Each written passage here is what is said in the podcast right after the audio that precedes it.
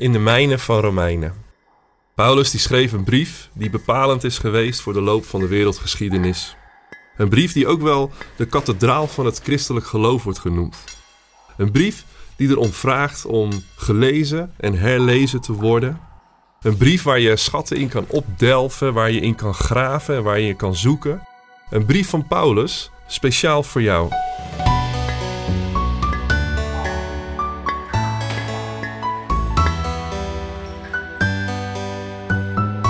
Gaan in deze podcast mijnen in Romeinen.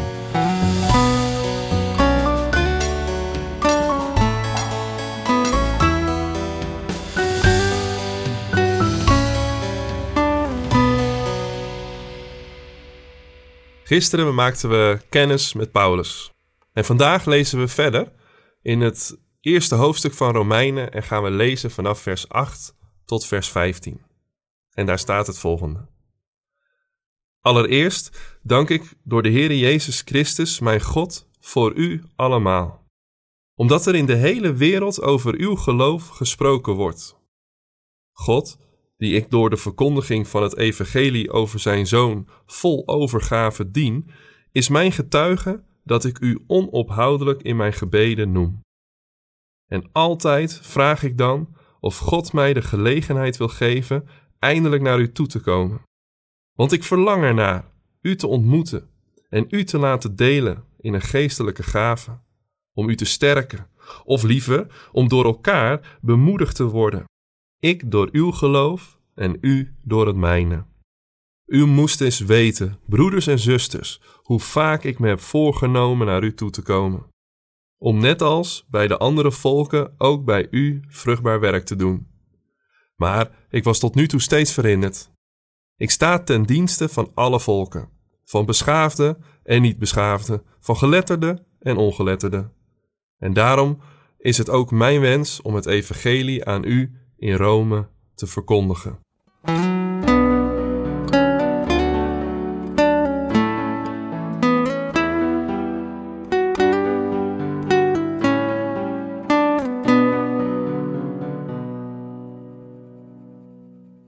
Soms heb je dat met mensen.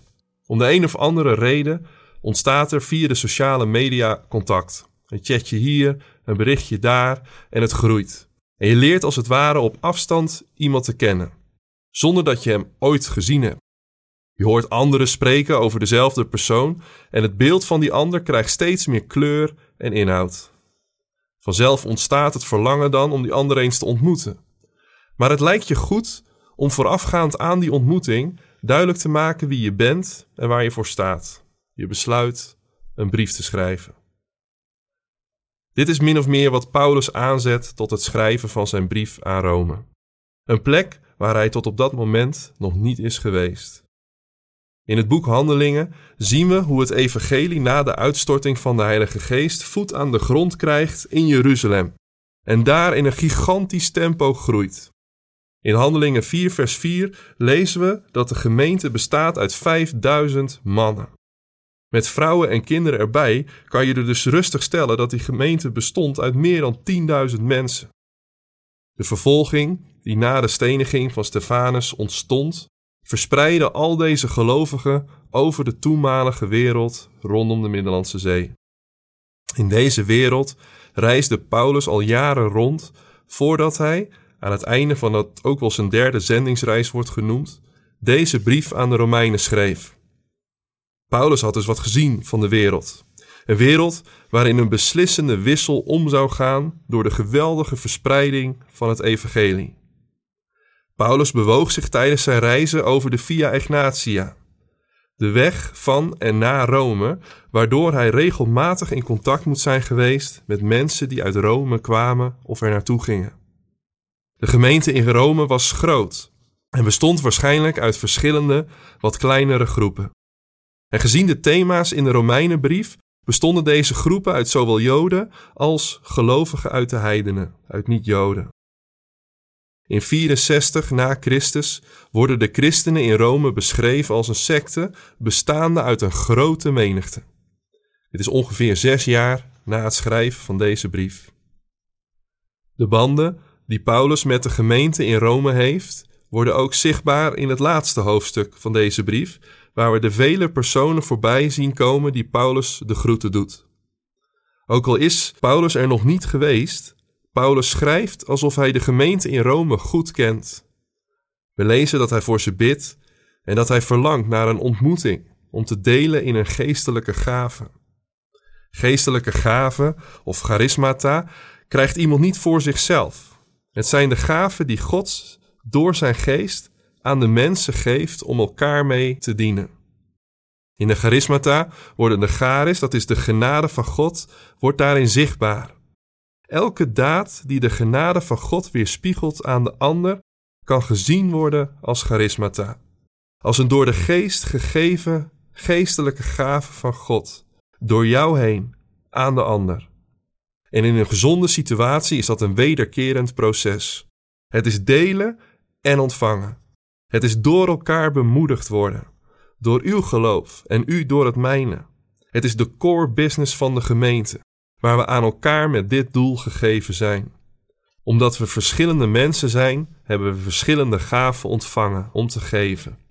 Het verkondigen van het evangelie was een gave van Paulus die hij maar wat graag ook in Rome wilde delen. Paulus noemt zich in het eerste vers een dienaar of een slaaf van Christus. En het wordt ook zichtbaar in de laatste versen die we gelezen hebben vandaag. Hij heeft niet zelf de regie over zijn leven. Hij staat ten dienste van alle volken en hij werd steeds verhinderd. Ondanks goede voornemens zijn er krachten in zijn leven aan het werk die boven zijn voornemens uitgaan. Ondanks dit blijkt ook uit de beschrijving van Paulus' leven in handelingen dat de omstandigheden nooit van invloed zijn op het delen van de genadegaven die Paulus ontvangen heeft. Hij verkondigt het evangelie no matter what. Met welke gaven ben jij gezegend? Welke handelingen in je dagelijks leven laten de genade van God zien? Misschien ervaar je ook wel hoe je geleefd wordt, hoe de omstandigheden je voornemens in de weg kunnen zitten. Maar Paulus laat zien dat de overgave aan zijn roeping niets verandert aan de veranderende omstandigheden. Maar dat het die overgave is die ervoor zorgt dat je in elke situatie weer vormen vindt om te delen van datgene wat God je geeft. Ik bid jou ook deze flexibiliteit en focus toe voor vandaag.